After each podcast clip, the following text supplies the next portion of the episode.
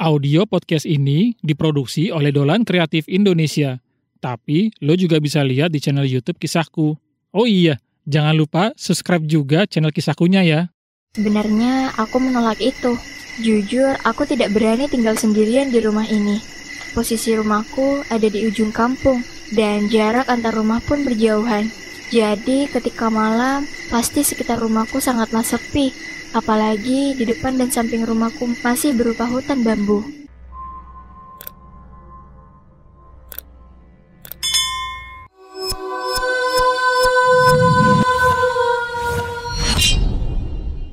Panggil saja aku Indi.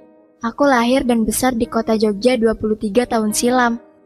Aku memang menikah muda, namun itu karena kemauanku sendiri, bukan karena paksaan atau dalam tanda kutip sebuah kecelakaan dalam hubungan. Ya, banyak orang yang mengira aku menikah karena aku hamil duluan. Padahal kenyataannya tidak seperti itu. Aku bersama suamiku ini, kami mengenal sudah cukup lama. Bahkan bisa dibilang kami mengenal sudah enam tahun lamanya. Memang sih, komunikasi kami dulu tidak sedekat sebelum kami memutuskan menikah. Aku dan dia pernah satu sekolah yang sama. Saat itu kami hanya sebatas kenal tapi tak begitu akrab. Walaupun seperti itu, sebenarnya aku sudah menyimpan perasaan kepadanya sejak lama. Namun, selalu kupendam perasaan itu dan aku meyakini jika suatu hari nanti akan kutemukan waktu yang tepat untuk menyatakannya.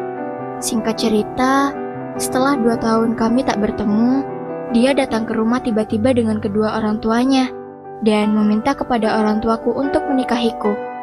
Akhirnya, kami pun memutuskan untuk menikah, dan betapa senangnya aku waktu itu. Tanpa pacaran dan tanpa basa-basi, seseorang yang aku cintai sejak lama tiba-tiba datang dan melamarku. Sebuah keputusan yang sulit memang, tapi itu adalah komitmen kami berdua yang akan kami hadapi. Kami berdua masih tinggal bersama orang tuaku. Cibiran dan gunjingan dari tetangga maupun teman selalu kami dapatkan di awal-awal masa pernikahan. Tapi itu tidak menggoyahkan kami sedikit pun, karena kami menikah secara terhormat dan tidak melanggar norma masyarakat bahkan agama sekalipun. Setelah satu tahun kami bersabar, akhirnya kabar baik datang, bahwa aku pun akhirnya hamil. Aku dan suamiku lalu memutuskan untuk membeli rumah sendiri. Mungkin dengan menjauh dari lingkungan lama bisa membuatku lebih tenang. Kami membeli rumah tua yang sudah lama ditinggal pemiliknya. Itu karena harga yang ditawarkan sangat murah.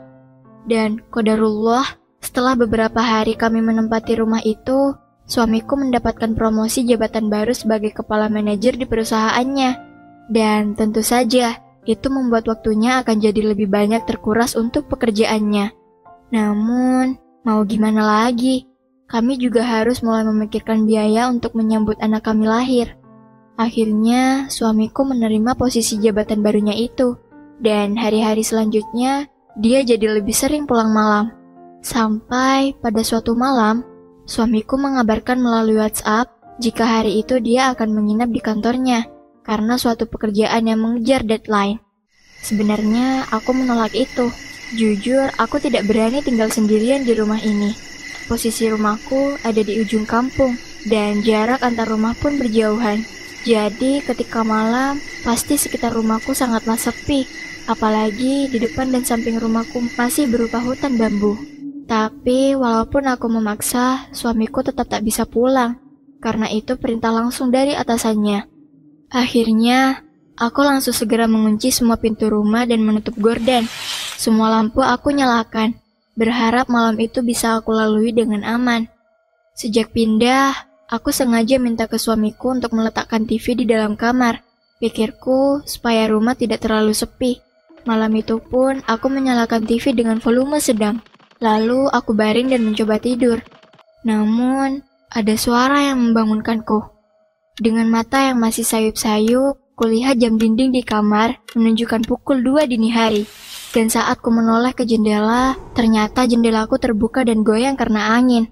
Aneh, Padahal tidak ada hujan dan hawa di kamarku pun terasa kering. Tapi kenapa bisa ada angin sekencang itu?